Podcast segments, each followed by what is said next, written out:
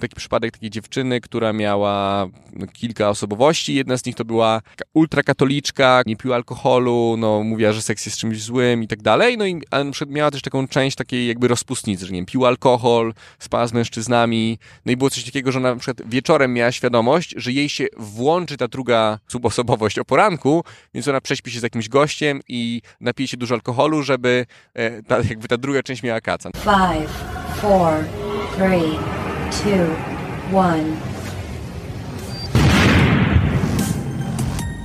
Podcast radioaktywny.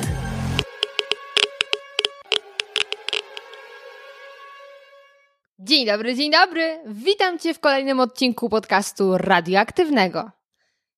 Kiedy nie wiemy, jak coś działa, bez problemu możemy sięgnąć do internetu, książki lub nawet instrukcji obsługi, aby dowiedzieć się, w jaki sposób rozgryźć dane urządzenie. Jednak co, gdy mamy do czynienia z drugim człowiekiem? Co zrobić, kiedy nas wkurza, kiedy zupełnie nie wiemy, o co mu chodzi? Najłatwiej byłoby sięgnąć do podobnej instrukcji. Jednak, czy istnieje instrukcja obsługi człowieka? Okazuje się, że tak i udowodni to mój gość, Adam Zadrożny, autor strony Obsługa Człowieka. Przyznaję Wam, że jest to jedna z najtrudniejszych rozmów, jakie dotychczas przeprowadziłam, bo i temat nie jest łatwy. W końcu, no jak ogarnąć ludzi? Jak ogarnąć siebie? Zdecydowanie nie jest to prosta kwestia. Na szczęście Adam jest osobą, która nawet najtrudniejsze tematy potrafi wytłumaczyć w bardzo klarowny sposób. Oczywiście nie zabraknie też dobrego humoru, więc jestem przekonana, że mimo niełatwych treści wszystko zrozumiesz i wyciągniesz bardzo dużo z naszej rozmowy. A dowiecie się m.in. jak działa człowiek, co zrobić, gdy wkurzają nas osoby dookoła, jaki jest najlepszy sposób uwolnienia się od internetu, co zrobić, gdy czujemy ból istnienia, mój ulubiony ostatnio zwrot Weltschmerz, jak nawiązywać nowe znajomości, jeśli jesteśmy introwertykami, a także poznacie 6 lifehacków, jak ogarnąć siebie i innych ludzi. Zapraszam Cię do wysłuchania naszej rozmowy. Adamie, mój drogi, my się poznaliśmy w słodkich trochę okolicznościach, bo to były wykłady w SWPS-ie No tak. i to było akurat o LiveTube, ale ja wcześniej byłam na wykładach Wedla i to tak mi się słodko kojarzy A tamten tak, dzień. to była, ta, tam była taka kobitka, która rozdawała tą czekoladę. Nie, nie rozdawali czekolady. No co ty, ja piłem w każdym razie. Była, była, rozdawała Tak? później, no. Ale tak, i później był wykład LiveTube'a i to był kozacki wykład, bo po tym wykładzie spiknęłam się z Łukaszem Głąbickim, który był wtedy prowadzącym. A, ten taki Tak, grubszy tak, człowiek, tak, tak. fajny. Boże, no, on jest wspaniały. Polecam podcast z nim. E, absolutnie doskonały. No i poznaliśmy się my. Zupełnie tak naturalnie. Byliśmy w jednej grupie, pracowaliśmy nad współpracą z jakimiś influencerami. Ale jednak y, LiveTube to nie wszystko, influencerzy to nie wszystko. Przede wszystkim psychologia. A w Twoim e, wydaniu psychologia to jest obsługa człowieka. Tak no się nazywa tak, Twoja strona. tak, tak się nazywa moja strona i to jest jakiś taki koncept, wiesz, który wziąłem od takiego francuskiego filozofa, e, nie znam francuskiego, więc pewnie totalnie to źle wymówię, Lemaitre albo Lemetri. No i to po prostu gość, który mówi właśnie, że jakby, że człowiek jest, jest, jest jak mechanizm. No i jakby ten mechanizm możemy poznać. Mi jakoś tak, wiesz, ta metafora po prostu e, jakoś bardzo zagrała.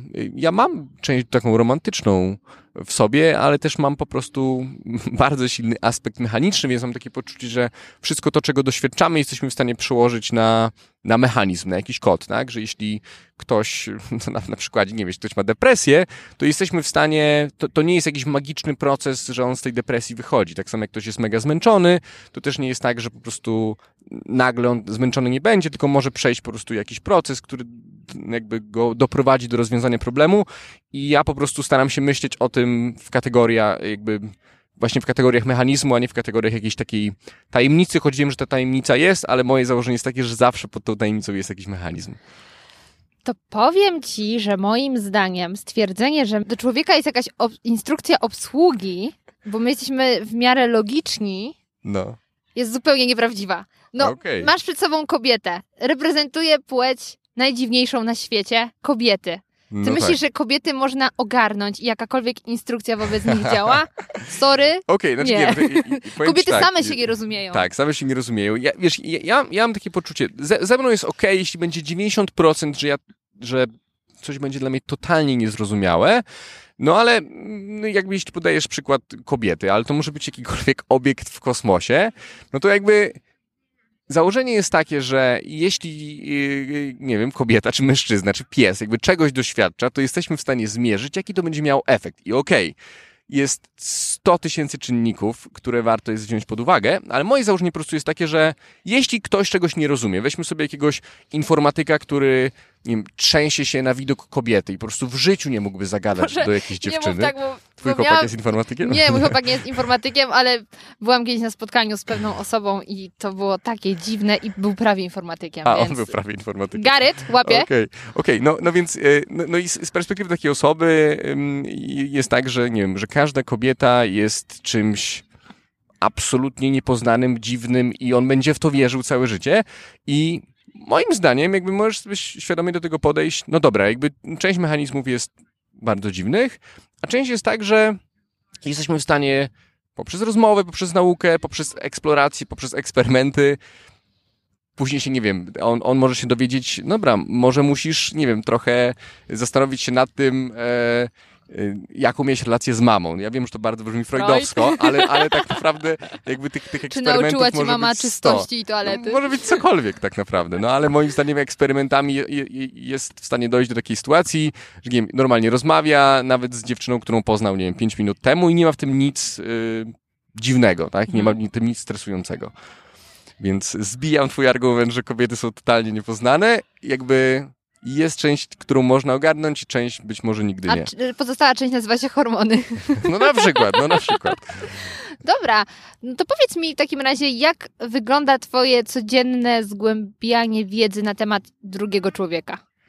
No okej, okay, no dobra, no to ja wychodzę z założenia, że to, co jest ode mnie zależne, to jestem ja, przynajmniej jakaś taka część mnie, no więc y, jakby moje codzienne zgłębianie człowieka odbywa się poprzez taką autorefleksję, więc na przykład mi jest mega bliski stoicyzm, więc w stoicyzmie jest taki... Uwielbiam stoicyzm. Tak? Wiesz, okej, okay, no, no to się dogadamy. W stoicyzmie jest takie założenie, że, że należy regularnie podejmować autorefleksję. Budzisz się rano, zastanawiasz się nad takimi prostymi rzeczami, które możesz odpowiedzieć w jednym zdaniu, typu, nie wiem, co dzisiaj będziesz robić, to jest bardzo proste, ale już takie pytanie dotyczące tożsamości jest już trudne. Na przykład, kim jestem, co jest tak naprawdę dla mnie ważne, więc jakby tutaj określenie wartości tak ad hoc jest, jest, jest trudne ale jest, wydaje mi się, możliwe. No więc e, Pierwsza część, no to jest po prostu, że zastanawiam się nad samym sobą, bardzo często nawet obserwując siebie, bez jakiegoś takiego założenia właśnie kim jestem, tylko dobra, no ale to o czym świadczą moje działania i o co mi w ogóle w życiu chodzi. E, lubię sobie zadawać takie, takie też no, trudne pytanie. W stoicyzmie mamy premeditatio malorum, czyli wyobrażenie sobie najgorszych scenariuszy, jakie są tylko możliwe, tak? Jeśli umrą twoi rodzice, jeśli będziesz zaraz miał nowotwór, jeśli będziesz miał problemy z prawem, no to ja, ja staram sobie wyobrazić, no dobra, to jakim ja byłbym człowiekiem w takich ekstremalnych warunkach? Więc to jest jakby pierwsza część odpowiedzi, no a, a druga, no to też jestem psychologiem, ale nie pracuję indywidualnie, ale pracuję z grupami, tak? To już jest, jakoś trwa już 4 lata e, i no mam takie, takie szczęście, dla mnie to jest takie błogosławieństwo od losu, że po prostu mogę z, przez 4 lata to może było z kilkanaście tysięcy osób, więc to każda osoba można powiedzieć, że jest inna, ale no jestem w stanie też patrzeć na określonych ludzi i też widzieć jakieś części siebie w nich, a też mogę widzieć w nich coś, czego nigdy w sobie nie widziałem. Więc y, obserwuję siebie i obserwuję ludzi y, no, poprzez moją, moją pracę y, warsztatową. Moja głowa, jak mówiłeś, od razu maksymalnie pracowała, więc pojawiło mi się od razu mnóstwo wątków, ale no, trzeba zacząć od początku, zanim dojdę dalej. Także moje pierwsze pytanie. Czy jeśli człowiek będzie się nad sobą za dużo zastanawiał, znaczy nad sobą za dużo zastanawiał, to czy wtedy nie jest problem właśnie? Jeśli co chwilę analizuję, co ja właściwie myślę, co ja robię, yy, czy to nie jest trochę już takie, że będzie bał się zrobić cokolwiek, bo będzie się ciągle zastanawiał? Hmm. No tak, no to jest mechanizm tak jak z tą dżdżownicą, nie, z tą stonogą, tak, która rozkminie, Nagle myśli nad jedną rozkminie, tak, A, czy 404, czy 405, no więc Absolutnie tak. Jeśli jesteś cały czas w głowie, to właściwie ciężko jest ci, ciężko jest ci być spontanicznym. Jeśli przed nie wiem, wyjazdem na ulicę będzie robiło się premedytacją, ale no dobra, no to ten wypadek, no i jeszcze to będzie powodowało na stres, no to po prostu ciężko nam będzie Co funkcjonować. skończą świeżaki w Biedronce? No tak, nie no, mo, mo, moje założenie jest takie, no, że dobrze jest robić rzeczy, które są, które wprowadzają nas w stan flow, no mnie na przykład warsztaty, prowadzenie, nie wiem, wykładów, ym, praca z grupą bardzo jakby wprowadza w stan flow, więc ja często je, nie jestem w stanie przed po godzinie powiedzieć w ogóle, co się działo. Po prostu mam tak, że to jest jakiś inny stan świadomości. Później, jak, jak będę się bardzo zastanawiał, przypomnę sobie poszczególne wątki, ale mam tak, że znika samoświadomość, że po prostu jest tylko tu i teraz, nie ma w ogóle nawet myśli w głowie. To jest też ciekawe, to bo jest też nie czuję najcudowniejsze zmęczenia. osiągnąć flow. To jest tak No wspaniały tak. stan. Tak, tak. No więc y, dla mnie jest, y, ja lubię oscylować pomiędzy właśnie maksymalnym flow, a maksymalną samoświadomością. No i to też nie jest tak, że ja w ogóle raczej nie promuję czegoś takiego, żeby właśnie czuć się cały czas dobrze, żeby, że tylko psychologia pozytywna, żeby tylko się uśmiechać. Samoświadomość y, y, prowadzi do tego, że rozmyślamy o cierpieniu na całym świecie, rozmyślamy o cierpieniu we własnym życiu. Jeśli ktoś zadaje sobie pytanie, jak, e, jakby, jakie są skutki moich codziennych akcji, no to wtedy dochodzi się do wniosku, że trochę nie można żyć nie, nie tworząc więcej cierpienia, cierpienia na świecie albo wokół nas. Więc może jest jakiś taki stan oświecenia, gdzie po prostu tego cierpienia nie tworzymy, no ale wystarczy sobie zadać pytanie, tak, no że nie wiem, ubranie, które mamy na sobie, jedzenie, które, które jemy, e, bardzo często Spaliny z- spaliny, no to jest wszystko to, co powoduje, że no, nasza planeta jest w jakimś gorszym stanie, ale nie jestem jakby taką osobą, która mówi właśnie, że nie wiem, że ludzie są nowotworem na tej planecie. Jakby robimy też masę cudownych rzeczy. Więc moim zdaniem po prostu warto jest zachować taką równowagę pomiędzy okej, jakby jesteśmy takim gatunkiem, robimy dużo zła, ale też robimy dużo dobra, no i tak samo no, my indywidualnie codziennie podejmujemy taką decyzję. No dobra, trochę tego, trochę tego, no i moim założeniem też jest to, żeby po prostu iść w stronę światła, nie, nie w stronę ciemności, tak górnolotnie to brzmi, no ale myślę, że można to przyłożyć swobodnie na, na coś takiego, czy nie wiem, czy w rozmowie tylko chcemy pokazywać swoje ego, jacy jesteśmy super, czy na przykład zwracamy uwagę na drugą osobę. No to Mhm. już jest taka prosta decyzja. Tak sobie myślę, że jeśli zrobię autorefleksję i wyciągnę z niej wnioski, i te wnioski są druzgocące, dochodzę do wniosku, Boże, co ja robię ze swoim życiem, a tak zdradzę Ci, często się tak właśnie Okej. zastanawiam, co ja robię ze swoim życiem, to jak teraz z tych wniosków wyciągnąć kolejne wnioski i podjąć konkretne działanie? Jak Mhm, znaleźć mhm, y, światełko w tunelu? Jest y, taki profesor y, z Uniwersytetu Toronto, nazywa się Jordan Peterson, ja mam absolutnego hopla na, na jego punkcie. On w ogóle odnosi się do czegoś takiego, że jeśli e, w ogóle jeśli dochodzimy do tego wniosku, to, to wcale nie jest źle, to jest bardzo dobrze, bo masa ludzi nie dochodzi do tego wniosku I tkwi? i, i, i tkwi tym, co jest. w jakimś takim bagnie, nawet nie będąc świadomym tego, że to jest bagno. No ale założenie jest takie, że jeśli mamy w pewnym momencie takie poczucie, że nie wiemy, gdzie chcemy iść e, i mamy świadomość tego, że właśnie jesteśmy bardziej po stronie ciemności, Ja to nazywam No. Weltschmerz. do, mamy takiego, mamy po prostu taki totalny weltschmerz i chcemy założyć zaraz tą, to były żółte spodnie czy żółta kamizelka? Chyba kamizelka. Dobra, chcemy zakładać żółtą kamizelkę i po prostu rzucać już się z mostu, no to to jest taki moment, żeby zacząć e, jakby zadawać sobie takie konkretne pytania e, właśnie dotyczące wartości, tego, tego jakby kim jesteśmy, co chcemy zrobić w przyszłości, co chcemy zrobić przez następne lata do, do śmierci e, i przyjąć taką perspektywę, że hej, to w ogóle nie chodzi o to, żeby to, że to jest jakieś ćwiczenie i po pięciu minutach jest koniec, tylko na przykład, dobra, daj sobie 50 godzin na to, żeby odpowiedzieć na te pytania. Tak serio, siadaj sobie codziennie przez 50 dni, przez godzinę, myśl, pisz o tym. No jest, jest super, e, jest super rzecz, coś, co nazywa się ekspresywnym pisaniem, no ale po prostu chodzi o to, że puszczasz, puszczasz swoje myśli, bierzesz długopis, bierzesz kartki i rozpisujesz wszystko to, co czujesz.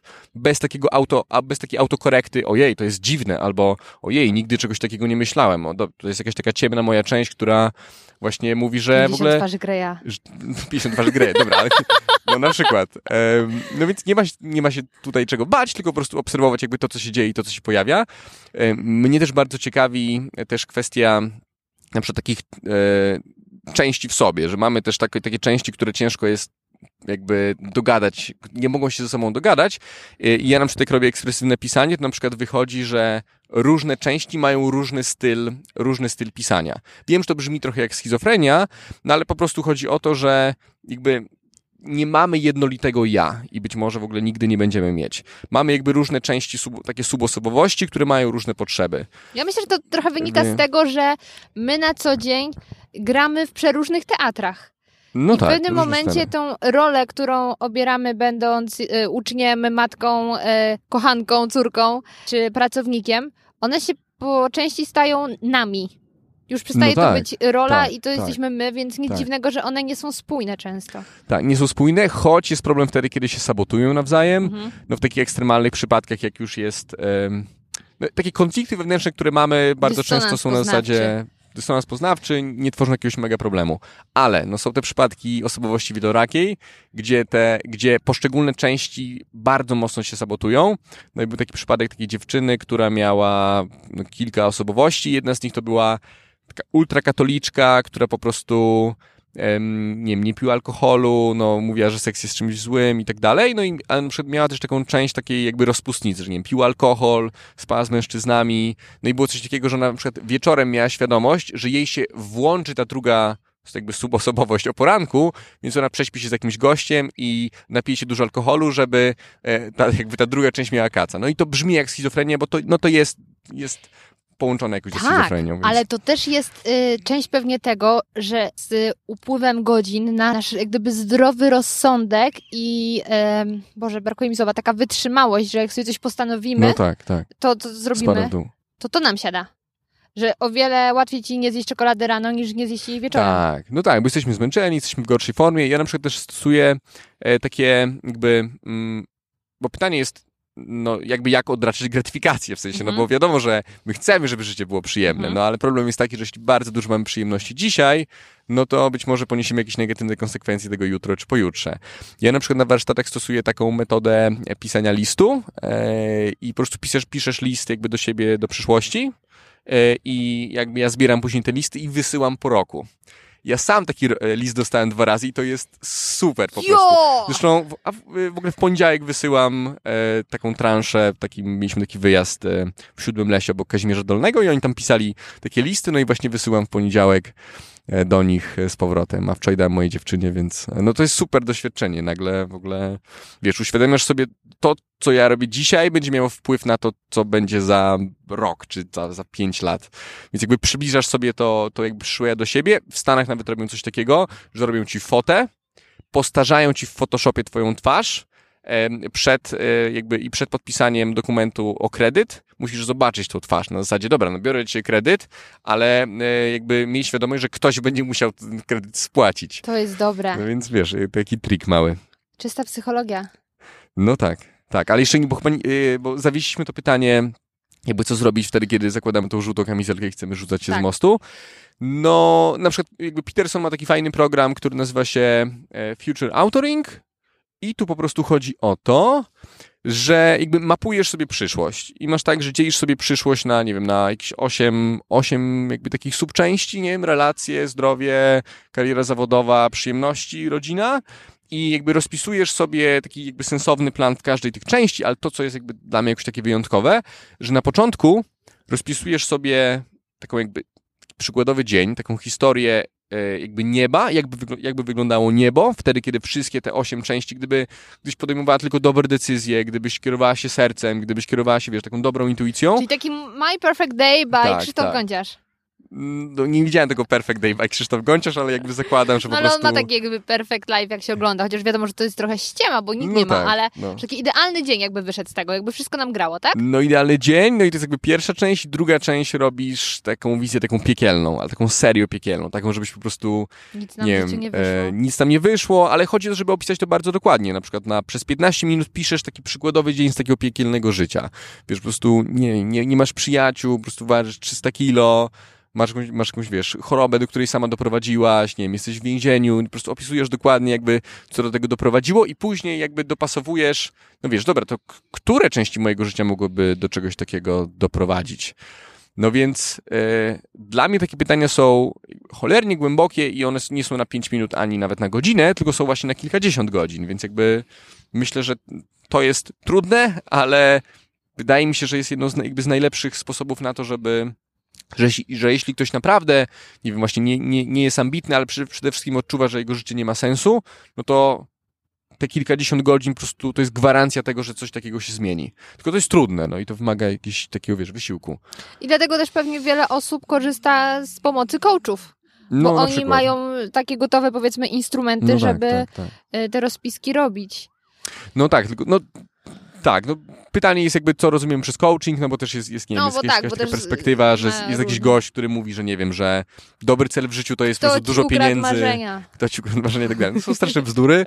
E, znaczy, może bzdury, no ze mną to zupełnie nie rezonuje, no ale e, myślę, że jakby połączenie takiej terapii, no i być może później coachingu jest nawet, może nawet lepszym, e, jakby lepszą kolejnością, no bo żeby najpierw dowiedzieć się, dobra, o co ja tak naprawdę O chcę, co no bo mi chodzi? no bo ja tak zakładam, że wiesz, jak miałem kiedyś takiego gościa, który jakby powiedział, że on musi mieć bardzo dużo pieniędzy w życiu. E, I tak się zafiksował na tej, na tej idei, no ja tam, tam pisałem, pisałem z nim, z nim przez jakiś czas i on bardzo po prostu, wie, po prostu chciał, że po prostu chce mieć strasznie dużo kasy, że wtedy wszystko będzie rozwiązane, ale jak tak żeśmy rozmawiali, no to też wychodziło, że być może no te, te pieniądze, ta chęć posiadania ogromnych pieniędzy z czegoś wynika, tak? Z Mhm. jakichś tam kompleksów. Może chodzi o to, żeby, nie wiem, być bliżej siebie, zastanowić się jakby, jakie mamy potrzeby. No więc jakby coaching w takiej formie, że jesteś nikim, jeśli nie masz milionów złotych na koncie, jest, jest czymś strasznym. No to nie jest, definicyjnie to nawet nie jest coaching, tak? Tak, no tak. ale...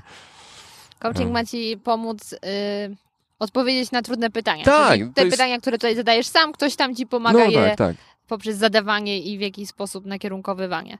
Nawiązałeś do filozofii stoickiej Mhm. i właśnie filozofia stoicka wychodzi z założenia, że powinniśmy przejmować się tylko tym, co zależy od nas, a ostatecznie nie za wiele rzeczy tak naprawdę zależy od nas. Mhm. I czy dla ciebie to w jakiś sposób bywa frustrujące? Że tak naprawdę masz Mhm. wpływ tylko na siebie? Znaczy, dla mnie to jest w ogóle na maksa uwalniające. E, Ja mam, e, ta praktyka stoicka już trwa kilka lat, nawet też przez jakiś czas chodziłem na takie spotkania do klubu stoickiego w Warszawie, no i też e, jakby sam trochę czytałem, no i rzeczywiście starałem się, żeby ten stoicyzm nie był tylko czymś takim, że stoicyzm polega na tym, żeby być spokojnym, albo żeby po prostu tylko Stoicki spokój. Tak, że tak. No więc ja, ja zakładam, że to wymaga ogromnej praktyki.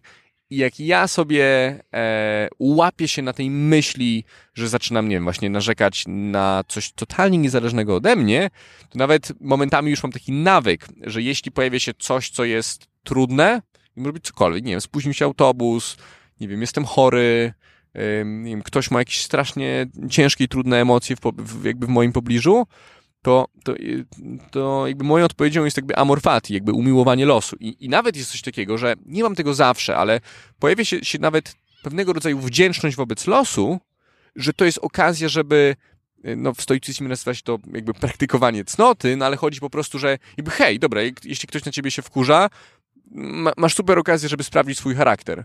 Jeśli jesteś chory, dobra, no to zastanów się... E, Kto mi zrobi rosół? Kto mi zrobi rosół, w- w- whatever. Ktoś na przykład jest na ciebie wkurzony, no to może, e, dobra, zastanów się, jakie ma potrzeby. No więc tak naprawdę, jeśli e, się przyjmie tą perspektywę stoicką, to nie ma czegoś takiego jak niefajna sytuacja albo jakaś zła sytuacja. Jakby, że wszystko jest okazją do tego, żeby się w jakiś sposób sprawdzić. Nie mówię, że nie ma tam cierpienia, bo nawet cierpienie może być, ale wtedy znosisz, znosisz cierpienie z podniesioną głową.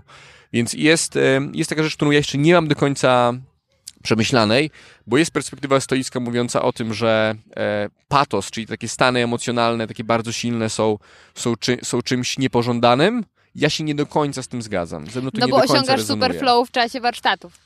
No, na, na przykład. Ale wiesz, też sobie myślę, że w takim przypadku, kiedy, kiedy nie wiem, umiera ktoś, ktoś, ktoś bliski, to taki hardkorowy stoik powie, to jest coś niezależnego od ciebie.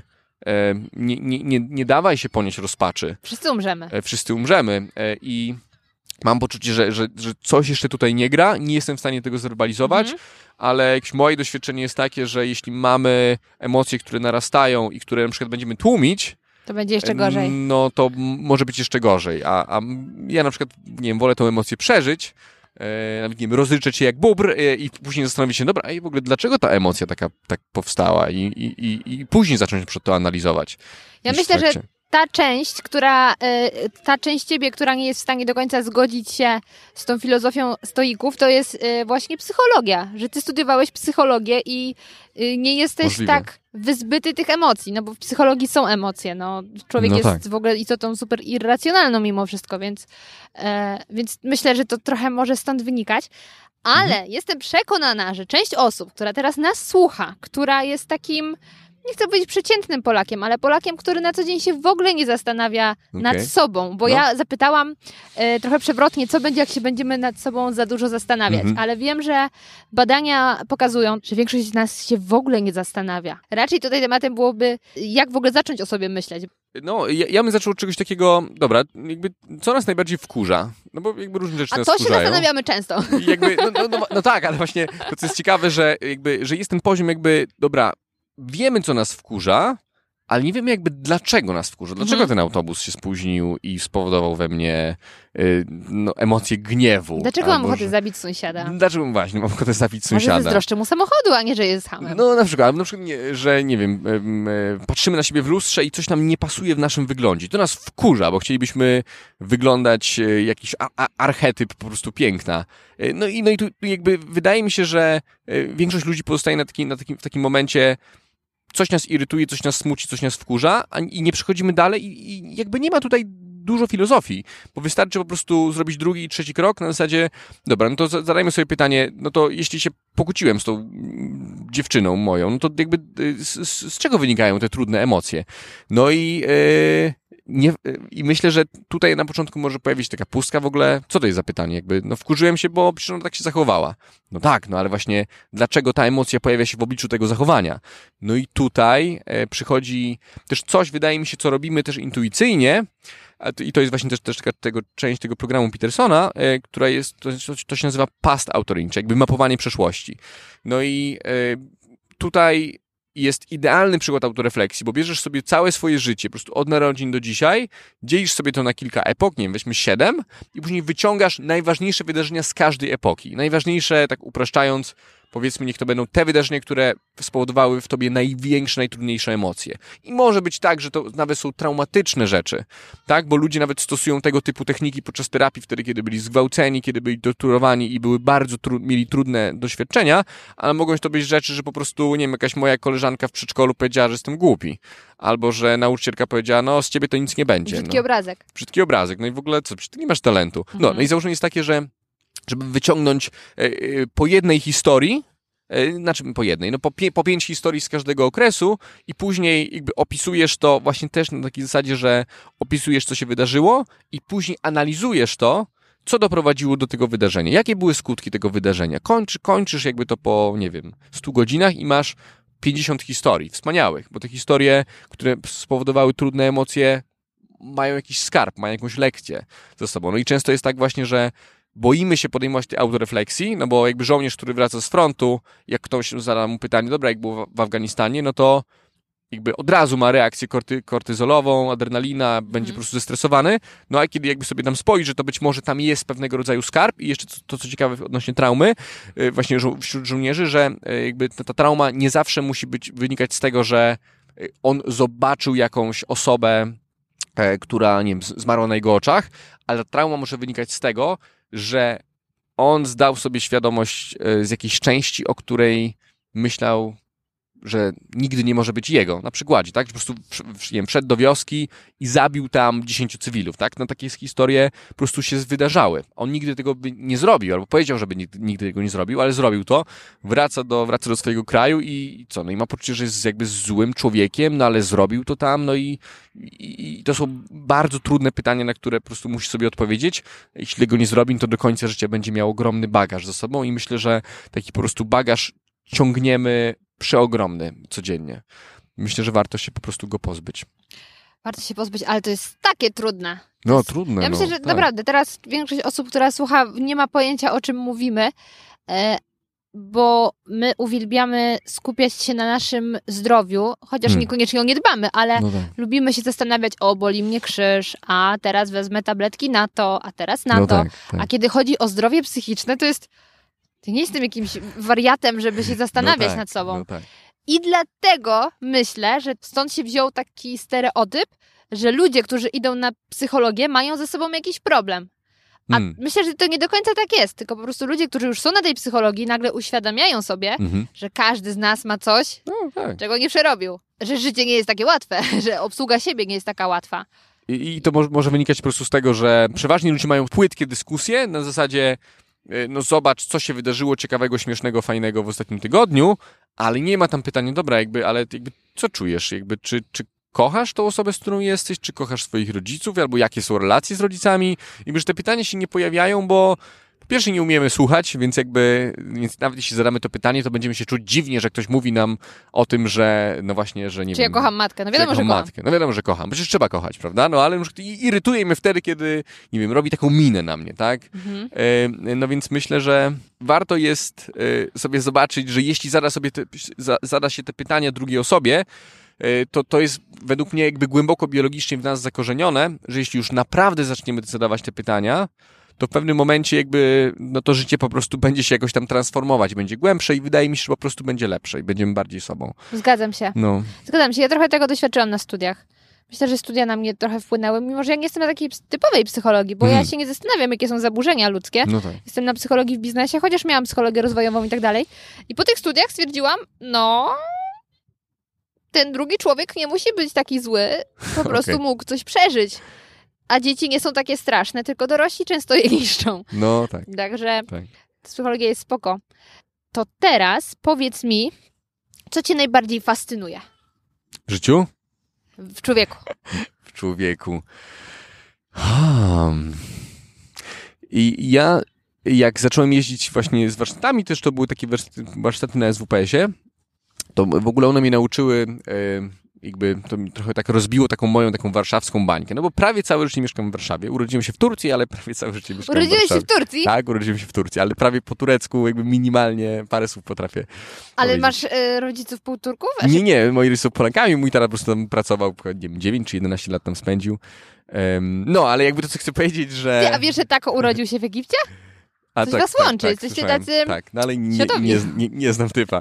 No, w każdym razie, jakby jeżdżenie po Polsce i prowadzenie tych warsztatów, no, głównie dla, dla, dla licealistów, nauczyło mnie czegoś takiego właśnie, że w człowieku fascynuje mnie to, że przy, bardzo często przez pierwsze 10 tam, nie wiem, pół godziny spotkania jest taka maska, a właśnie pod tą maską pierwsze są e, jednocześnie przeogromne skarby i jednocześnie przeogromne demony.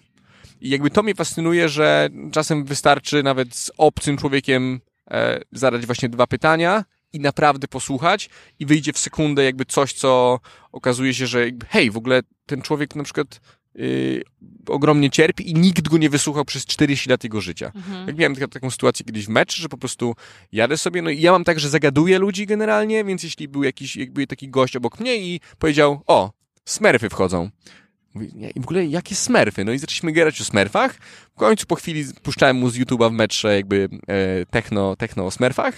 To jest Papa Smurf, jakaś chyba przeróbka, więc jest niesamowita Ja sprawa. wychowałam na smerfnych hitach, więc No smerfne, no smerfne hity były super. W każdym razie zaczęliśmy sobie rozmawiać o smerfach. Później, później się w ogóle okazało po jakimś czasie, że chodziło o policjantów. No ale, ale dobra, zaczynam noże niebieskie, czapeczki i tak dalej. Okej, Więc grube. Gruba rozkmina.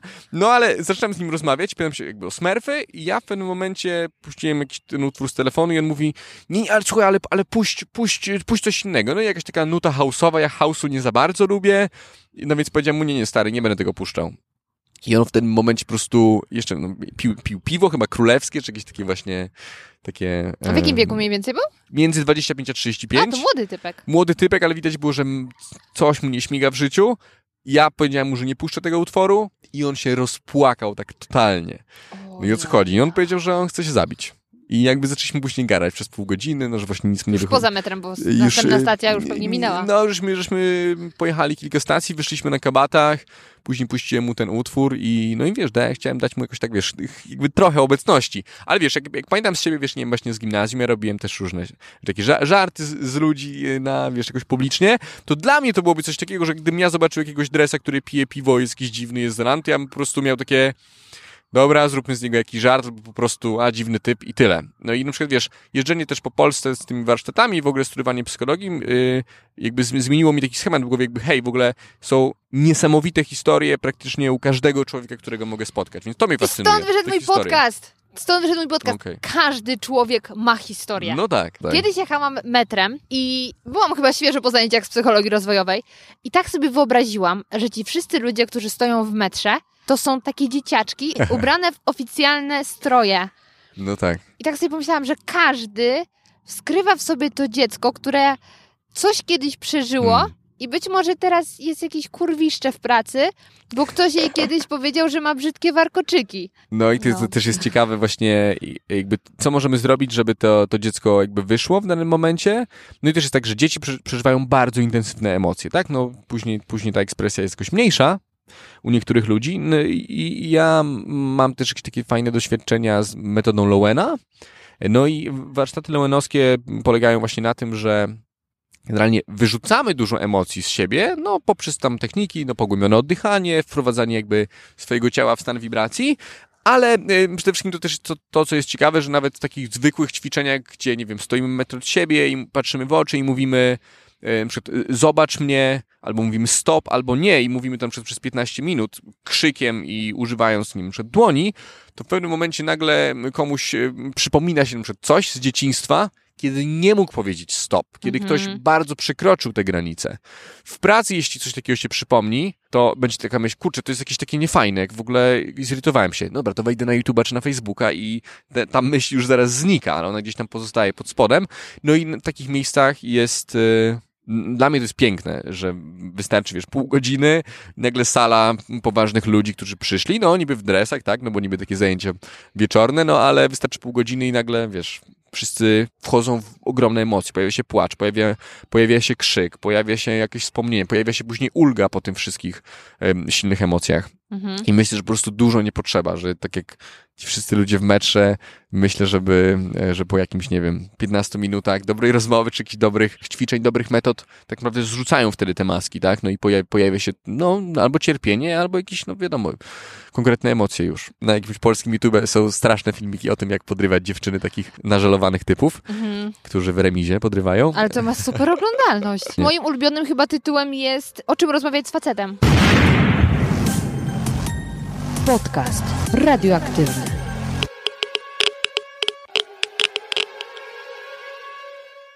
Ty na swoich spotkaniach, które organizujesz, e, warsztatach, spotykasz się głównie z takimi młodymi ludźmi? Wiesz co, no to jest tak, że jest taki cykliczny projekt właśnie Strefa Młodzieży SWPS, no i to jest tak, że ten projekt trwa od października do marca, do kwietnia, do marca tak naprawdę, no więc tam jest głównie z licealistami, też są warsztaty dla nauczycieli, No ale też jest tak, że wiesz, też pracowałem też, wiesz, ze, starszymi ludźmi. Teraz akurat pracuję w firmie szkoleniowej, no więc no, to jest typowe szkolenie dla biznesu, więc tam już jest jakby mniej psychologii, tam już jest jakby konkret. My akurat szkolimy ze storytellingu, w sprzedaży, więc jakby mnie storytelling fascynuje, no i jakby to, że można skorzystać z tego, wiesz, w sprzedaży, to też jest dla mnie bardzo ciekawe. No ale tu, tu, już, tu już są no po prostu pracownicy korpo generalnie. No, Już czuję, że to będzie następny podcast, bo mnie storytelling też mega ciekawi, super. Więc to jest fajny temat. Natomiast wcześniej były te warsztaty cykliczne z młodzieżą. Tak, tak, tak, tak. Czy na tych warsztatach właśnie mówisz o tym, jak zatracamy się w internecie, czy to nie tam poruszasz te, te No tematy? bardzo Bo widziałam, tak. że to na blogu o tym też pisałeś. E, tak, tak. E, wiesz co, ja mam taki temat, tam jest siedem tematów e, jakby na tych naszych warsztatach, ale też jest tak, że po prostu czasem, wiesz, lawirujemy na jakby... Zależy jaka jest potrzeba. e, za- za- jaka jest potrzeba, no bo tych potrzeb po prostu jest dużo jak ci licealiści jakby wyczuwają, hej, przed gość, który nie ma jakiejś innej agendy niż to, że po prostu jest dla nas i ma jakieś, jakieś przemyślenia, ale ja też chcę ich wysłuchać. Mhm. No, pojawia się internet przede wszystkim szczególnie pod tym kątem, że wiesz, oni w internecie przesiadują 4 godziny dziennie, tak? No więc jakby 4 godziny to jest taki minimum, jeśli jakby liczymy taki czas, że siedzimy przed nie wiem, od 16 do 20, no i Mhm. po prostu przeglądają sobie YouTube'a. No ale do- dochodzą gry, do tego dochodzi sprawdzanie Facebooka, tak? Więc czasem robi się 8 godzin dziennie. No i jest tak, że to tak pod kątem samokontroli, nawet nie, nawet wiadomo, że z braku samokontroli może wynikać to, że po prostu ludzie w internecie się zatracają, ale no też jakby może to spowodować, że im więcej internetu używasz, tym, tym ciężej będzie ci się od niego jakby odzwyczaić. Jak z każdą używką. No, jak z każdą używką.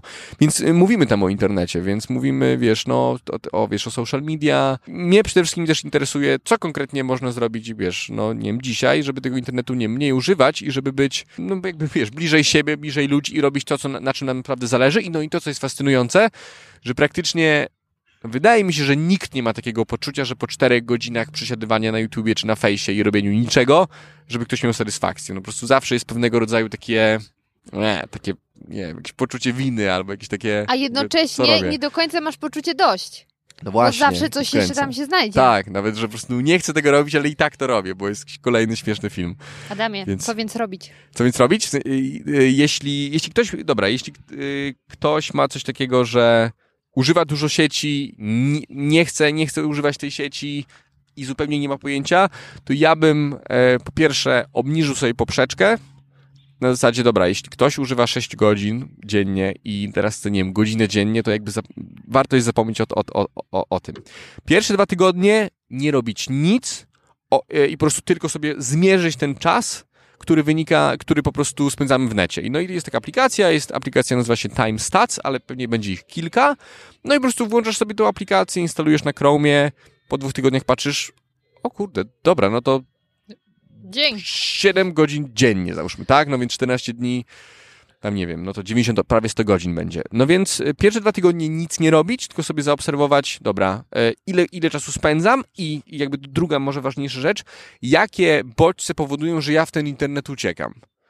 No i tu już jest trudniejsza sprawa. Może być, jakiś, może być trudna emocja, może być jakaś trudna myśl, może być właśnie, nie wiem, wkurzenie, może być to, że po prostu mam jakąś robotę do zrobienia, więc wejdę sobie w neta, żeby nie myśleć o tym, że muszę coś zrobić, no więc zapominam siebie, no i jest dziwnego rodzaju flow często w internecie, no bo są te skoki dopaminy, więc jest bach, bach, bach, nawet nie pamiętam tego, że miałem coś zrobić ważnego, więc y, na początku zmierzyć ten czas i później sobie zadać takie pytanie, dobra, jakie bodźce? No i weźmy sobie pięć bodźców i o ile może być jakiś taki, e, takie doświadczenie, gdzie nagle mamy, wiesz, jak obuchem głowę, że w ogóle wgląd. Hej, w ogóle przecież te kilka godzin dziennie to w ciągu najbliższych, nie wiem, 10 czy 20 lat to jest kilka tysięcy godzin, tak? To jest po prostu Kilka lat. kilka, no, znaczy, no tak, jesteś w stanie sobie ogarnąć, nie wiem, z siedem nowych języków i nauczyć się, nie wiem, e, super tańczyć i jakiś sztuk walki. No więc e, jest proste przełożenie, że gdybyśmy mieli dowód, na zasadzie przyciskamy ten przycisk, wiadomo, żebyśmy nie, nie używali tego internetu. Więc teraz, jak już wiemy, że jakby co, jakby te, które bodźce powodują, że my uciekamy do, do tego internetu, albo w jakąkolwiek inną jakby technologię, no to później krok po kroku, i robimy sobie, dobra, pierwszy tydzień, dobra, to ten jeden bodziec. Może chodzi o to, że nie, nie mogę wstać rano, albo że nie mogę zasnąć, tak? Niektórzy, jak przeglądamy sobie wieczorem telefon, no to mamy też niebieskie światło i ono, ono też nas rozbudza, no ale też jest tak, że jeśli będziemy sobie przeglądać telefon wieczorem, to nie mamy tych myśli na zasadzie, ojejku, jutro jakaś ciężka, stresująca rzecz. No więc ja bym to zrobił no po prostu w ten sposób, że e, biorę sobie jeden bodziec, pracuję nad tym jednym bodźcem i na takiej zasadzie nie to, że eliminujemy te negatywne myśli, bo tego się nie da, no ale y, w ten sposób, dobra, to jakby co innego mogę zrobić? No i dobra, to mogę na przykład whatever, wziąć sobie książkę, mogę zadzwonić, nawet, nawet chodzi o to, żeby nie robić nawet nic produktywnego zamiast tego, ale robić coś innego, co jest przyjemne, ale nie jest jakoś destrukcyjne. Powiedzmy, dobra, Chociaż niekoniecznie włączać telewizor. no nie, no telewizor może mniej, no ale dzwonię do kumpeli i pytam się co u niej. Albo biorę jakąś książkę, czytam sobie książkę. No coś po prostu, co by... komiksy. No, przeglądam komiksy, no w ten sposób. Ale wiesz, Mhm. to jest takie, to jest taki niższy poziom, jakby taki głębszy poziom byłby dla mnie, no bo traci się, jeśli ktoś bardzo dużo traci czasu, to jest duża szansa na to, że e, w jego życiu o nic nie chodzi. I to już jest trudniejsze pytanie. Bo już y, odpowiedzieć na pytanie, jakby co ja chcę w życiu zrobić, nie pojawi się po 5 minutach, tylko według mnie właśnie przynajmniej z, nie wiem, z 50 godzin to jest tak akurat, żeby to roz, rozkminić.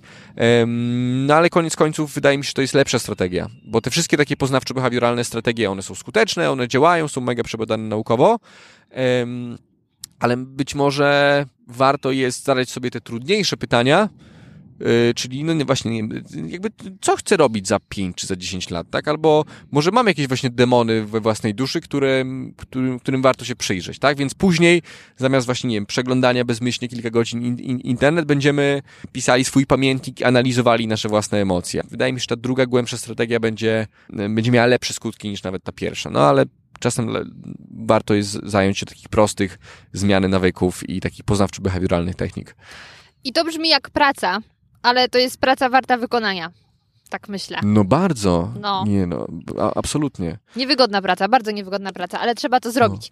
Natomiast my, zanim e, zaczęliśmy nagrywać podcast i rozmawiać o psychologii, rozmawialiśmy trochę o kosmosie, o energii dodatkowej, było o jodze energii, tak. i różnych innych ciekawych tematach. No to proszę, czym się, panie Adamie, pan jeszcze interesuje?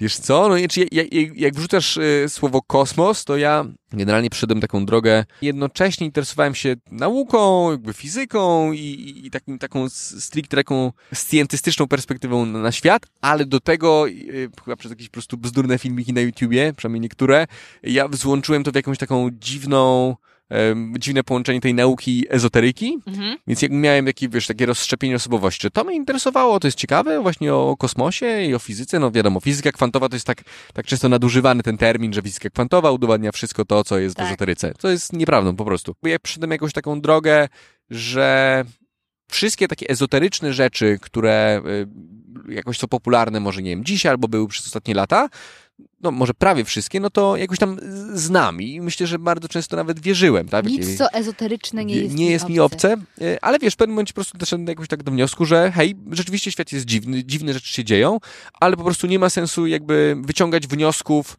y, jakby z tego, że e, usłyszałem jakąś, em, myślałem o jednej rzeczy i nagle dzwoni do mnie dziewczyna i mówi dokładnie o tym, to niekoniecznie musi oznaczać to, że jest jakieś splątanie kwantowe naszych umysłów i my myślimy dokładnie w ten sposób, bo jesteśmy duszami, które poznały się 10 wcieleń e, temu. Nie musi to oznaczać. Może, może i może to oznaczać, może miliard innych rzeczy oznaczać, może też być przypadek. Więc ja lubię e, patrzeć na to jakby tak, wiesz, z różnych perspektyw i jakby to mi służy. To jest dla mnie po prostu funkcjonalne. To jest super Ale- podejście, bo tak jak ci wspominałam, ja nie jestem osobą, która może powiedzieć, że nauka jest odpowiedzią na wszystko, Mhm. bo właśnie uważam, że jest coś więcej. Nie mówię, że to jest tylko to i że nauka nie ma sensu, natomiast gdzieś pomiędzy bym się postawiła. No wiesz, no też jest takie pytanie, no bo wiesz, nauka mówi to, jak świat funkcjonuje, przynajmniej pretenduje do tego, ale, ale się, jakby nauka jest, jest, jest genialnym systemem, bo jakby samoloty latają, mosty generalnie się nie burzą i jesteśmy w stanie rozmawiać teraz i nagrywać to, Tak. bez nauki tego by nie było. Oczywiście. No ale y, myślę, że ważne jest to, co powinniśmy robić w życiu, tak, żeby życie było dobre. No i tu wchodzi filozofia. No i tutaj y, po, pojawiają się też być może takie bardziej ezoteryczne rzeczy, tak? No jakby dlaczego określone wartości wyznajemy? No może to nie jest tak, że jesteśmy w stanie racjonalnie dojść do, do tego, że powinniśmy być w życiu dobrzy, choć niektórzy tak mówią. Być może jest tak, że mamy w sobie pewnego rodzaju mm, jakieś mechanizmy, które jeszcze są niepoznane, ale właśnie one nas skłaniają do tego, żeby czynić dobro i tutaj odnoszę się do innych stanów świadomości, y, które być może zapoczątkowały religię. No Mhm. i to jest taka teza, wiesz, nie do końca weryfikowalna, no ale myślę, że jakby wchodząc w inne stany świadomości jesteśmy w stanie być lepszymi ludźmi. Daje to nam taki jakby taki snapshot, czym życie mogłoby być, gdyby ludzie naprawdę podejmowali dobre decyzje. Że nagle po prostu, wiesz, w 5 minut jesteśmy w stanie sobie zobaczyć, hej, w ogóle, y, jakiego rodzaju e, skutki mają moje, moje akcje. Na przykład jest e, w Ameryce Południowej taki program, gdzie leczą e, heroinistów. Nie pamiętam substancji. To jest, e, ona to wyni- wynika z, biorą to z jakiegoś kaktusa. W każdym razie, bardzo mocne doświadczenie, które trwa jakieś kilkanaście godzin i oni w obliczu tego doświadczenia mają jakby spotęgowane cierpienie, które spowodowali innym ludziom. Oni tam siedzą, wiesz, po prostu czują jakby to cierpienie, przypominają im się te sytuacje, w których oni jako, wiesz, ci heroiniści, nie wiem, kradli, może nie zabijali, ale nie wiem, robili krzywdę innym ludziom i to im w tym doświadczeniu nagle się pokazuje. I nie wiadomo dlaczego, nie jesteśmy w stanie racjonalnie wytłumaczyć, jakby dlaczego to, że skonsumujesz jakiś chemiczny związek powoduje kilka, Nie, ja chyba o wiesz, tym słyszałam. To nie było właśnie w tym 7 metrów pod ziemią? to ja w takim Oni razie nie, tam, ja nie, nie oglądałem tego, nie oglądałem tego e, w takim razie, ale być może, no bo to w kulturze już jakoś tam, wiesz, się Mhm. przybija powoli, że inne stany świadomości e, mogą nas ulepszać. I ty się bawisz trochę czasami tymi stanami. Wiesz co, no u mnie to zaczęło się stricte od jogi, y, więc jak, jak ja zacząłem medytować, no to medytacja była dla mnie tylko czymś takim, że ja po prostu nie mniej się stresowałem albo po prostu się relaksowałem. Choć rzeczywiście to, to jest. No i to jest przebadane, no, medytacja tak, tak, tak to wpływa. Mhm. To jest jakby dobre narzędzie. I są też na relaksację też inne narzędzia. Ale dla mnie medytacja była jakimś takim wehikułem, który zmieniał na tyle mój stan świadomości, że na przykład miałem niewzburzony spokój.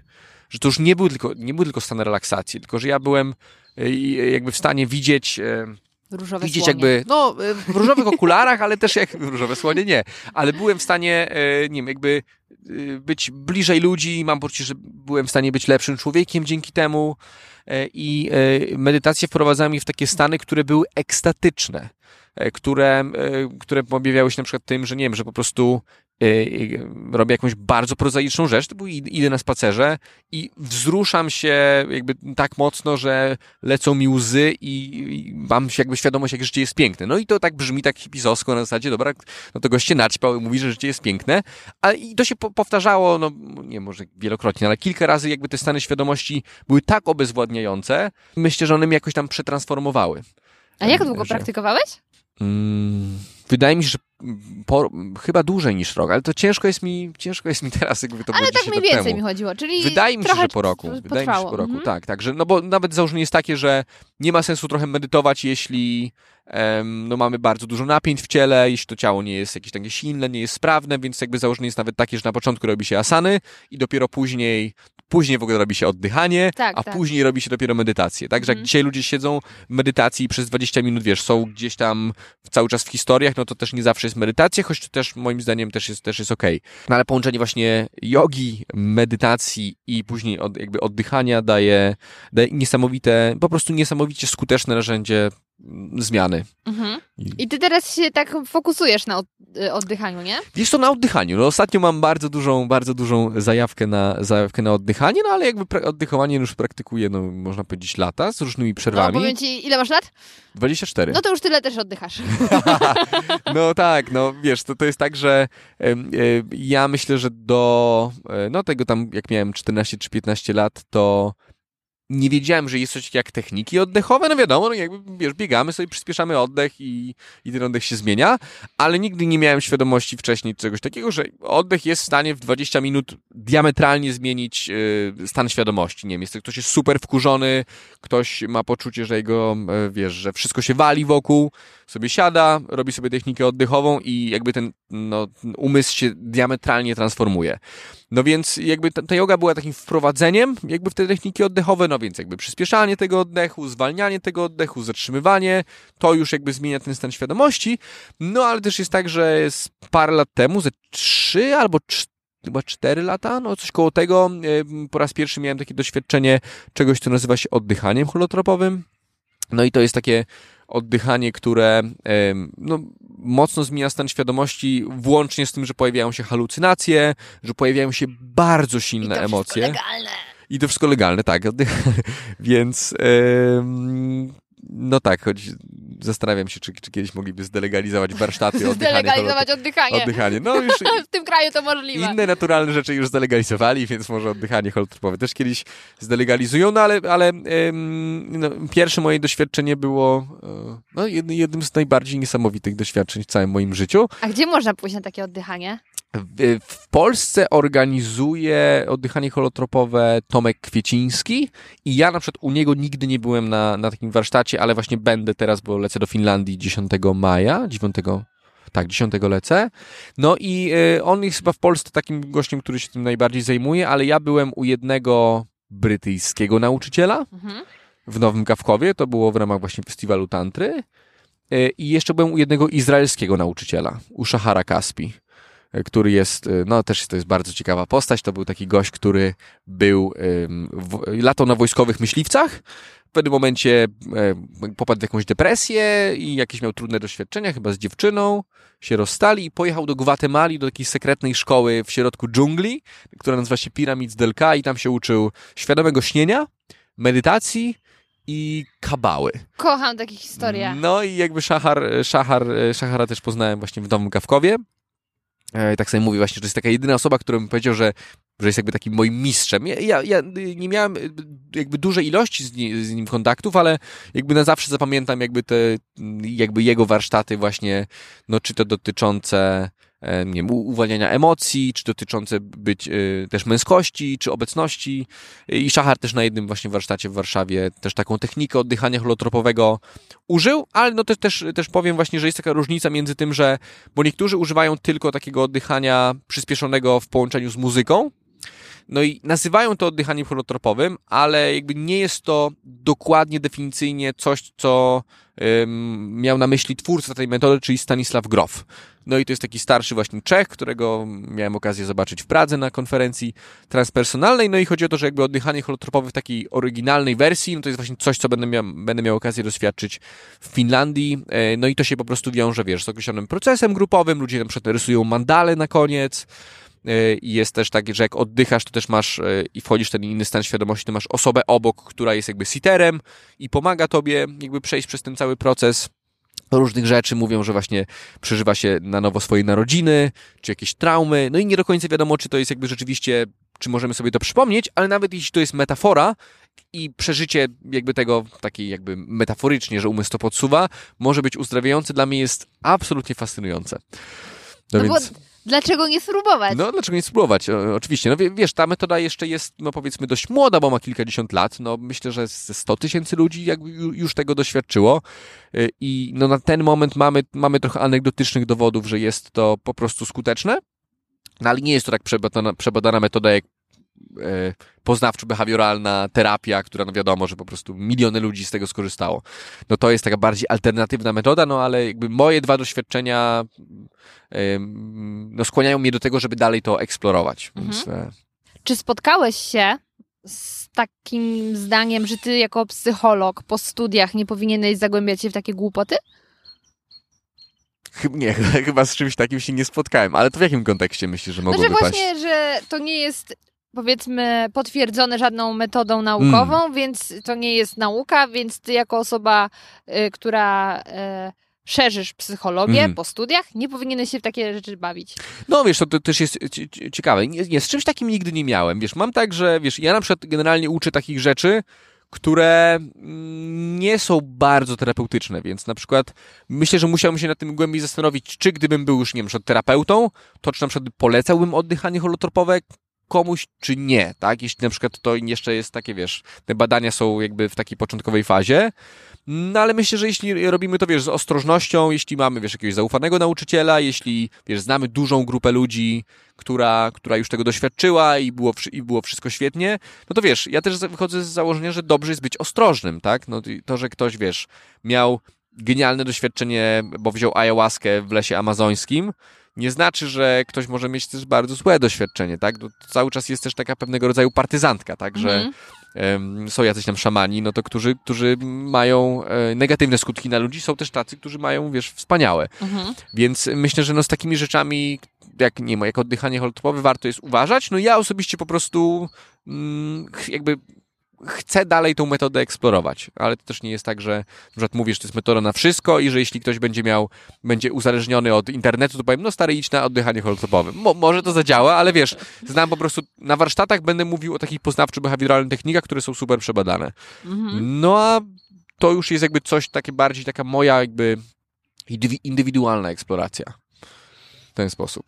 Powiedz mi teraz, sprzedaj kilka takich prostych rad do wcielenia w codziennym życiu, mhm. żeby żyło się łatwiej. No to jest, ogóle, to, to, jest takie trudne zadanie. W ogóle wiesz, y, mamy taką jedną część, która mówi, najlepiej jest zadawać sobie samemu pytania, żeby nie słuchać rad tych innych ludzi, ale trochę mój zawód polega na tym, że trochę wrzucam rady.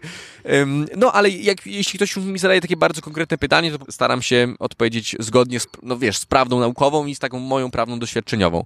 Ale jeśli jakby rzucasz takie, dobra, takie trzy triki, tak? Jak miał jakieś takie, że, że, że żyjesz... Lifehacki dajesz. Trzy triki na life, lifehacki na siebie. No to pierwsza rzecz to jest e, ekspresywne pisanie. Nawet jeśli ktoś nigdy nie pisał, to 15 minut dziennie, bierzesz sobie kartkę, bierzesz długopis i piszesz po prostu to, co czujesz, ale bez takiej autokorekty. Ale czujesz, czy cokolwiek chodzi... wpadnie ci do głowy? Czyli teraz pomyślisz, o, Ehm, mam brudne ściany i piszesz to na przykład. Myślę, że lepiej jest to nakierować na jakieś swoje uczucia. Jakby Nie, nie na zasadzie, dobra, to teraz dżemuję sobie, dobra, jest drzewo, jest niebo, jest twoja butelka, dobra, co mogłoby z tego wyniknąć? Nie chodzi o takie dżemowanie, chodzi bardziej jakby o to, dobra, na przykład co czuję. No i na przykład y, robimy to, piszemy 15 minut o tym, co czułem dzisiaj tego dnia, no i na przykład co spowodowało te uczucia. Więc jakby ukierunkować to w stronę uczuć.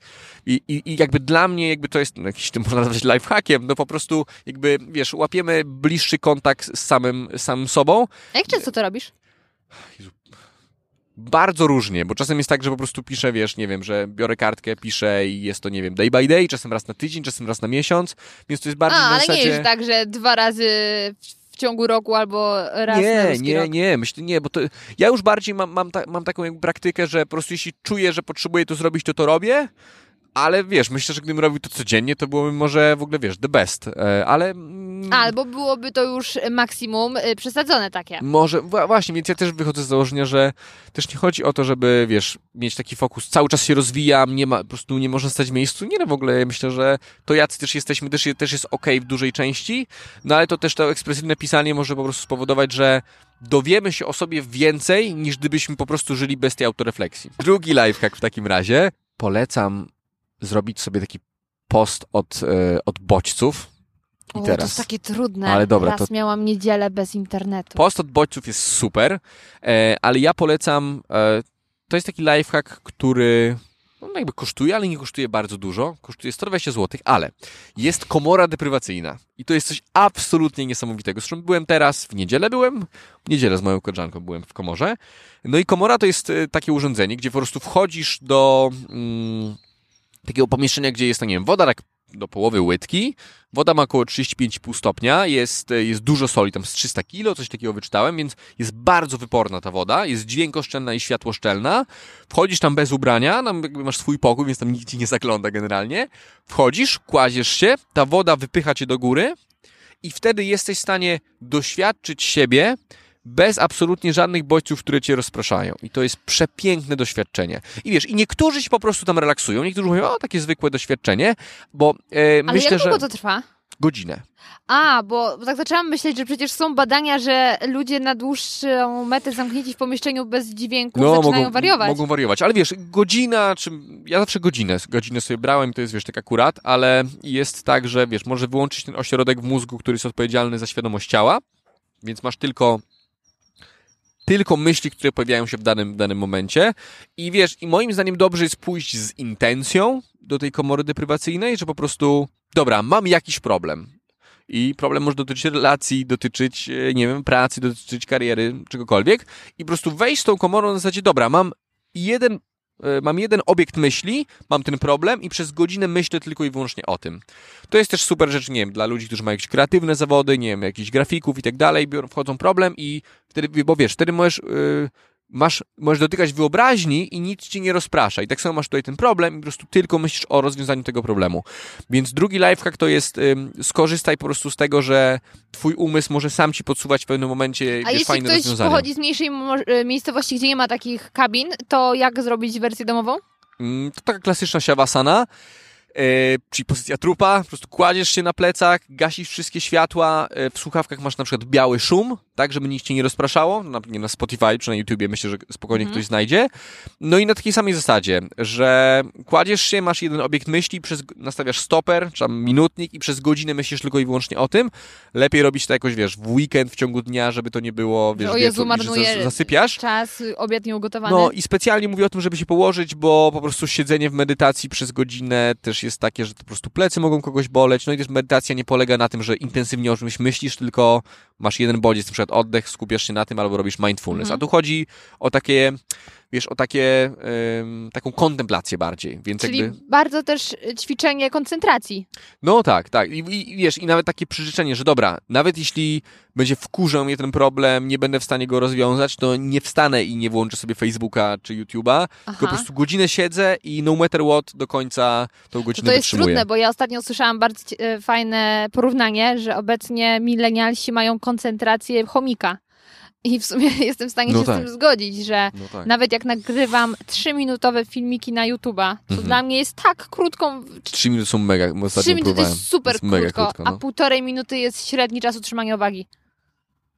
Tak, ale wiesz, to jest średni czas utrzymania uwagi, jeśli jest jeden bodziec, bo jeśli masz skoki dopaminowe, to nawet ten millennials jest w stanie, wiesz, dwie No godziny tak. wytrzymać w kinie. Tak, tak, Więc tak. na przykład dlatego ludzie, wiesz, tną mocno kinie jest YouTube'a. popcorn człowieku. No, więc pop, popcorn. Chociaż on już popcorn znika na reklamach. skoki. O, No tak, no tak. Dobra, trzeci lifehack. Trzeci lifehack, nie, nie, przeglądać, nie przeglądać inspirujących cytatów, to, jest, to może być jeden lifehack, e, Dziękuję, ale... że to powiedziałeś, dziękuję. Mamy to, nagrało się. Tak, co lubisz? Nie, nie lubisz, nie, Nie, lubisz, jestem, nienawidzisz, y, nienawidzisz Wiesz, inspirujących kiedy, za cytatów. czasów gimnazjum jarałam się, nie? Paulo Just Coelho do tak it. dalej. Możesz No więcej tak. niż podpowiada twoja głowa. I tak Znaczy, wiesz, dalej. znaczy, zakładam, że jakby wiesz, jakiś cytat, który jest inspirujący, yy, może być po prostu na, działa, działa na takiej zasadzie, że to jest poznawczo dostępne. Przykład ja mam, ja, ja mam takie zdanie em, nad biurkiem be grateful in, in times of suffering, czyli jakby jeśli cierpisz, bądź wdzięczny. No i Mhm. jakby wiesz, i dla mnie to jest po prostu poznawcza super technika, tak, że jeśli ktoś narzeka, czy jeśli cierpi, czuje ból, no to jakby ej, ale zobacz w ogóle ile jest super rzeczy. Mhm. Więc dobra, mo, no, może być lifehack nie czytać, nie czytać inspirujących cytatów, ale trzeci lifehack e, to będzie taki, dobra, to będzie taki, to, To jest może- też relacyjny lifehack, Okej. ale myśleć e, o relacjach w kategoriach jakby potrzeb, że jeśli jakieś osoby cię wkurzają, irytują, to e, warto jest sobie jakby rozpisać to pod takim kątem, dobra, to e, w ogóle jaką ja mam potrzebę w tej relacji i jakby co ja tutaj realizuję, tak? Bo czasem mamy tak, że mamy jakąś relację po prostu przez lata, nie lubimy tej osoby, ale dalej się spotykamy, ona nas wkurza, Dlaczego wkurza, ludzie irytuje. to robią sobie? Nie wiem. Nie, bo nie wiadomo, dlaczego to robią, Tak. ale, e, ale wiesz, też myślę pod tym kątem, że nawet jeśli już mamy jakąś małą relację z tą osobą i ona nas wkurza, to pomyślmy sobie, dobra, jaką potrzebę ma ta osoba i pomyślmy, jaki może być zasób w tym. To się odnosi do takiej perspektywy voice dialog. To jest jakby dłuższa rozkmina, ale w dużym skrócie cechy, które irytują nas w innych ludziach, zawierają w sobie pewnego rodzaju informacje, czego na przykład nie akceptujemy w sobie. Teraz na przykładzie. Jeśli irytują nas ludzie, którzy się super chwalą i są super aroganccy, no to być może potrzeba tej osoby wynika z tego, że na przykład ma niską samoocenę i potrzebuje być widziana przez inne osoby, ale zasób to jest pewność siebie. I tak samo będzie, wiesz, ktoś, kto jest nim chaotyczny w myśleniu, tak? Jakiś informatyk powie, Jezu, przecież w ogóle nie da się z tą osobą rozmawiać, przecież skacze z tematu na temat. No to potrzeba jest, jest na przykład taka, jest potrzeba nowości u osoby takiej bardzo skaczącej z tematu na temat, ale też zasób jest taki, że to jest kreatywność. Eksplorujemy to, co y, nas wkurza w innych ludziach, w takim celu, żeby zauważyć, czy mamy jakieś cechy, które pojawiają się w w nas, które przypominają te cechy u tych innych ludzi. Aha. To jest bolesne, ale, ale y, po prostu myślę, że. Życie boli. Życie boli, tak. I że to może być do, do, dobra, dobrą stronę może pójść. No to na końcu trzy lifehacki, jak, dobra, nie poderwać dziewczynę, ale nawiązywać dobre relacje. Dobra, tak. Jest tak, że na jakimś polskim YouTube są straszne filmiki o tym, jak podrywać dziewczyny takich em, em, nażelowanych typów, Mhm. którzy w remizie podrywają. Ale to ma super oglądalność. Albo Ma, o no czym... tak, nie, no tak, bo, bo jakby realizuje po, potrzebę, no, Ludzi. No tak, jakby o niskiej Chociaż samoocenie. moim ulubionym chyba tytułem jest e, O czym rozmawiać z facetem. O czym rozmawiać z facetem? Tak. Ja, I- dla mnie to jest ciekawe. Nigdy w to nie kliknęłam. Stwierdziłam, nie nabiję jej wyświetleń. Ale myślę, przepraszam bardzo, czy rozmowa z facetem różni się czymś z rozmową z kobietą? To nie jest tak, że y, tematy zależą do końca od płci, ale od osoby. No na maksa, na maksa, tak, absolutnie. Ym, dobra, ale dobra, pierwszy lifehack, y, y, ciekawy. Bardzo lubię to robić i szczególnie fajnie jest to robić, jak jest trochę już ciemniej. E, I to jest tak, że... e, Śledzić obcych ludzi. O, śle, no śledzić obcych jest spoko, tak, to jest zajebiste. E, ale lifehack, jak mamy już jakąś taką bliższą relację, nie wiem, jest to przyjacielska relacja, czy po prostu jesteśmy w związku, to fajnie jest jakby przez 10 minut, ale a w ogóle nie ruszając nawet oczami o milimetr, patrzeć drugiej osobie w oko, ale właśnie z takim założeniem, że dobra, że, to, że nie chodzi o to, żeby, nie wiem, śmiać się 5 minut, ale po prostu niewzruszenie, patrząc w oko drugiej osoby. I to, co jest ciekawe, w ogóle zrobili takie badanie, jakiś taki włoski badacz zrobił, że nawet pojawiają się halucynacje w pewnym momencie, szczególnie jak jest przyciemnione światło, ale jakby dla mnie to po prostu buduje pewnego rodzaju poczucie jakiejś takiej bliskości i też e, tego, że e, wiesz, czasem w relacjach zagadujemy ciszę, a według mnie zupełnie niepotrzebnie. Dobrze jest milczeć z jakąś osobą, ale nie, że siedzimy obok siebie, tylko rzeczywiście patrzymy sobie w oczy. Ale tak perfidnie cały czas w oczy, czy możesz sami mrugać, spojrzeć na Nie, bok? jakby mo- możesz mrugać, ale nie ruszasz, nie ruszasz oczami nawet o, nawet o centymetr. To Po jest prostu jakby trudne. siedzisz i to jest trudne, I jak ale długo? no weźmy 10 minut. Synu! Ale chodzi o to, żeby rzeczywiście jakby patrzeć niewzruszenie w oko tej drugiej osoby i też po prostu obserwować też jakby wewnętrznym, wewnętrzną koncentracją, co się dzieje w nas. Pojawiają się emocje w pewnym momencie, tak? Niektórzy mogą nawet, wiesz, może pojawić się płacz. I to jest dziwne, no bo dlaczego miał pojawić się płacz? Ale pojawia się Może jakby... ty masz tak piękne oczy, że aż się Przez wzruszyłem. oczy pojawiają się płacz. E, Twoje oczy zielone. No, więc wiesz, pojawia się, pojawia się, wiesz, jakaś emocja, może wiesz, coś związanego z samooceną, może wiesz, coś, coś, coś czujemy się niepewnie, jak ktoś tak na nas patrzy długo, więc to jest life relacyjny. No, też pod kątem, wiesz, takich jakby związków, no ja na przykład ostatnio właśnie usiadłem z moją dziewczyną i to, co było super, ja w ogóle jestem bardzo jej wdzięczny, no to ona jakby sama zastanowiła się nad tym, jakby czego ona najbardziej potrzebuje w związku i jakby powiedziała mi dokładnie tam nie, jakieś, wiesz, kilka punktów i ja, wiesz, jak mogłem sobie to zapisać, mogłem sobie później o tym, wiesz, przemyśleć i nagle, wiesz, wychodzimy z czegoś takiego, że Domyśl się. że się domyśl, tylko no właśnie, to też ym, chodzi o to, żeby to było naprawdę przemyślane i naprawdę głębokie, no bo też no, może można się czasem, nie wiem, czuć niekomfortowo z tym, że mówimy o swoich potrzebach, że to jest jakieś egoistyczne, ale właśnie tu zaczyna się prawdziwa relacja, że jedna osoba mówi o potrzebach, druga osoba mówi o potrzebach i możemy później to negocjować. Jakby hej, dobra, ja chcę iść na imprezę, a ja chcę, nie wiem, pojechać na wakacje, a ja chcę obejrzeć w domu serial Netflixa, tak? A ja chcę, żebyś zwracał na mnie uwagę, nie wiem, wieczorem, tak? Ja chcę, żebyś robił mi niespodzianki. No więc według mnie wtedy, kiedy naprawdę już jakby wejdziemy na ten poziom, dobra, jakby to czego my tak naprawdę potrzebujemy, no to wtedy e, no ten związek jest głębszy po prostu i bardziej prawdziwy. I myślę, że wtedy również może być też spontaniczny. Mhm. E, I to wcale nie jest tak, że jak mówimy sobie, to to już nie będzie spontaniczne. Według mnie to jest po prostu bzdura. Tak, no bo w ogóle wychodzenie z założenia, że ktoś się domyśli, jest głupie. No, no Aksa, nie, No. no absolutnie. Dobra. Absolutnie. To trzeci lifehack. Trzeci lifehack, ale mnie eksploatujesz, dobra. No dobrze. Może Możesz być do obcych ludzi, niekoniecznie w związku. Jak chcemy na przykład A. kogoś nowego poznać. Niekoniecznie Nowego poznać. przeciwnej płci, ale po prostu nawiązać nową relację. Jedziemy I- metrem. Jedziemy I, metrem. a może bym do kogoś zagadał, ale żeby się nie czuć z tym niekomfortowo, że to dziwne do ludzi się odzywać. Czy jak się otworzyć na ludzi? Mm, Okej, dobra, to, bo to jest tak. Z mojej perspektywy zagadanie do obcej osoby jest czymś zupełnie naturalnym i łatwym. Tak, dla mnie Więc też. wiem, że, no właśnie, więc jak, jak powiem komuś, dobra, no to przynajmniej 10 osób dziennie zagadaj i tyle. Zrób to, to, to nie zrobi. To więc dla kogoś, kto ma z tym problem, e, no to ja bym powiedział, dobrze jest sobie przygotować jakieś pięć takich w miarę sensownych społecznie pytań. Na zasadzie. e, Kto wygra e, następne wybory?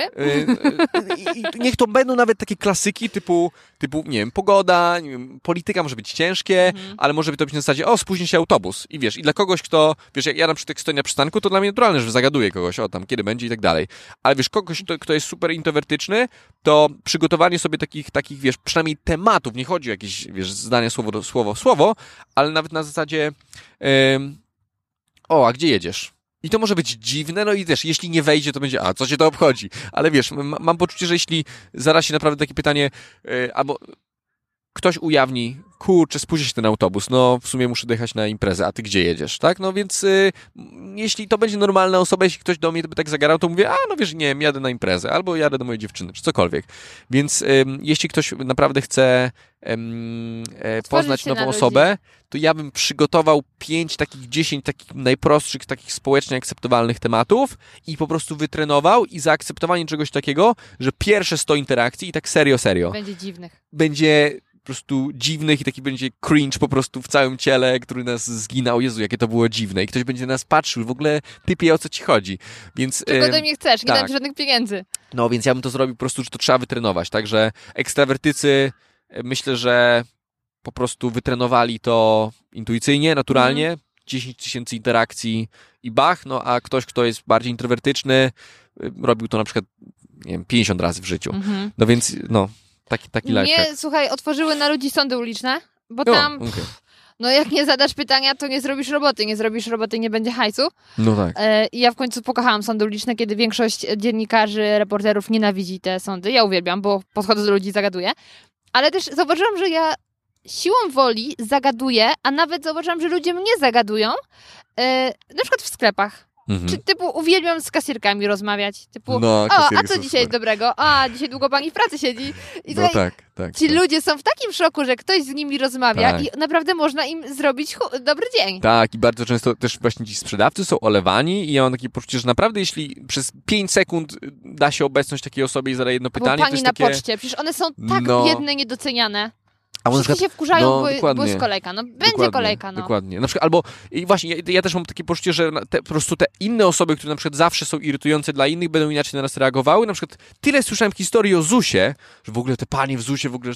Ja byłem w ZUSie w ogóle super babeczki, w ogóle bardzo konkretne, wszystko im wytłumaczyły, super przyjemnie i w ogóle... Ale dokładnie to samo miałam, jak No. składałam ostatnio dowód, yy, wniosek o dowód. Mhm. Pani tam z informacji, tam oczko do mnie puściła, No tak, siema, siema. Tak, tak, Kurczę, to jest super. tak, tak, tak, no. Ludzie są fajni, tylko trzeba się na nich otworzyć. No tak, ale ja, ja też, wiesz, tak, na przykład też miałem taką sytuację, że na, zacząłem krzyczeć na pana, e, na pana w autobusie, bo, bo, bo, bo wiesz, spieszyłem się gdzieś i okazało się, że, wiesz, że autobus jest, autobus jest, y, skręcił w jakąś złą uliczkę i, i, ja, i no wiesz, jeden takiego Polaka buraka po prostu do niego, no w ogóle jak to? Dlaczego tu nikt mnie nie poinformował, że ten autobus gdzieś tu skręca, wiesz, na takiego To było cebulaka? przed stoicyzmem, rozumiem. Nie, no to było niedawno, bo, nie, no to było jakieś, nie wiem, to było jakieś kilka miesięcy temu, wiesz, straciłem stan zupełnie i nagle mam w głowie, jakby, Adam, w ogóle, ty, w ogóle, co ty, co ty mówisz? I wiesz, i, i nagle miałem mechanizm, no dobra, ale może znaleźć rozwiązanie? No i zapytałem się, proszę pana, jak mogę najszybciej zdążyć tam, nie wiem, do metrocentrum czy gdzieś? A gościu, I gość, ale wiesz, i gość, i gość momentalnie zmienił, bo też był gotowy na konfrontację. Ja, ja się w ogóle złapałem, w ogóle, w ogóle co ja robię.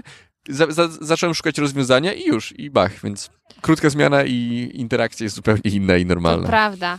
Naprawdę można wiele rzeczy załatwić, jak się zachowa spokój. Ale żeby to zrobić, trzeba wiedzieć, jak obsługiwać siebie i obsługiwać drugiego człowieka, jak on działa. I tym właśnie zajmujesz się tym. I jeśli Tak ktoś chce również zgłębić tę tajemną wiedzę, dostępną tylko dla wybranych, Tak, jest, to jest ezoteryczna wiedza, tak. to e, zapraszamy na Twoją stronę. Tak, Obsługa człowieka. tak, PL. Masz też Facebooka. Tak. Czy masz już YouTube'a? Albo Nie podcast? mam YouTube'a, Słuchaj, nie mam YouTube'a. nie- wszyscy podcasty, mają podcasty, no. Nie no, wiem, że, znaczy też e, ostatnio wstawiłem jeden filmik na też firmie szkoleniowej, w której pracuję, firma nazywa się Actren, ale będę też swojego YouTube'a będę robił, więc mam, mam teraz mam taki etap, Zrób że podcast. rozpędzam się i może jeszcze zrobię podcast i co jeszcze zrobię, I Twittera będziesz wszędzie. i będę, i będę wszędzie. E, e, Ja mam także nie miałem nigdy takiego ciśnienia, żeby po prostu jak Być. Najwięcej robić kontentu, ale nie wiem, może, może kiedyś będę miał, więc ale YouTube'a będę robił, na pewno. Super. To to od razu masz y, ode mnie suba, łapkę w górę Cudownie. i będziemy cię obserwować i, i my się widzimy przy storytellingu, jak będziesz mi opowiadał o opowiadaniu jest. historii. Cudownie. Dziękuję ci bardzo. I jak wrażenia? Mam nadzieję, że dotrwałeś z nami do końca mimo niełatwego tematu. Ciekawa jestem, czy wyciągnąłeś jakieś wnioski, czy już rozumiesz, jak działa drugi człowiek i jak działasz ty. Koniecznie daj mi znać, możesz zostawić komentarz lub napisać do mnie na podcast radioaktywny.gmail.com. Zapraszam Cię również do podzielenia się swoją oceną w iTunes, a także odwiedzenia mnie na moim kanale YouTube'owym youtube.com ukośnik. Do usłyszenia już niedługo.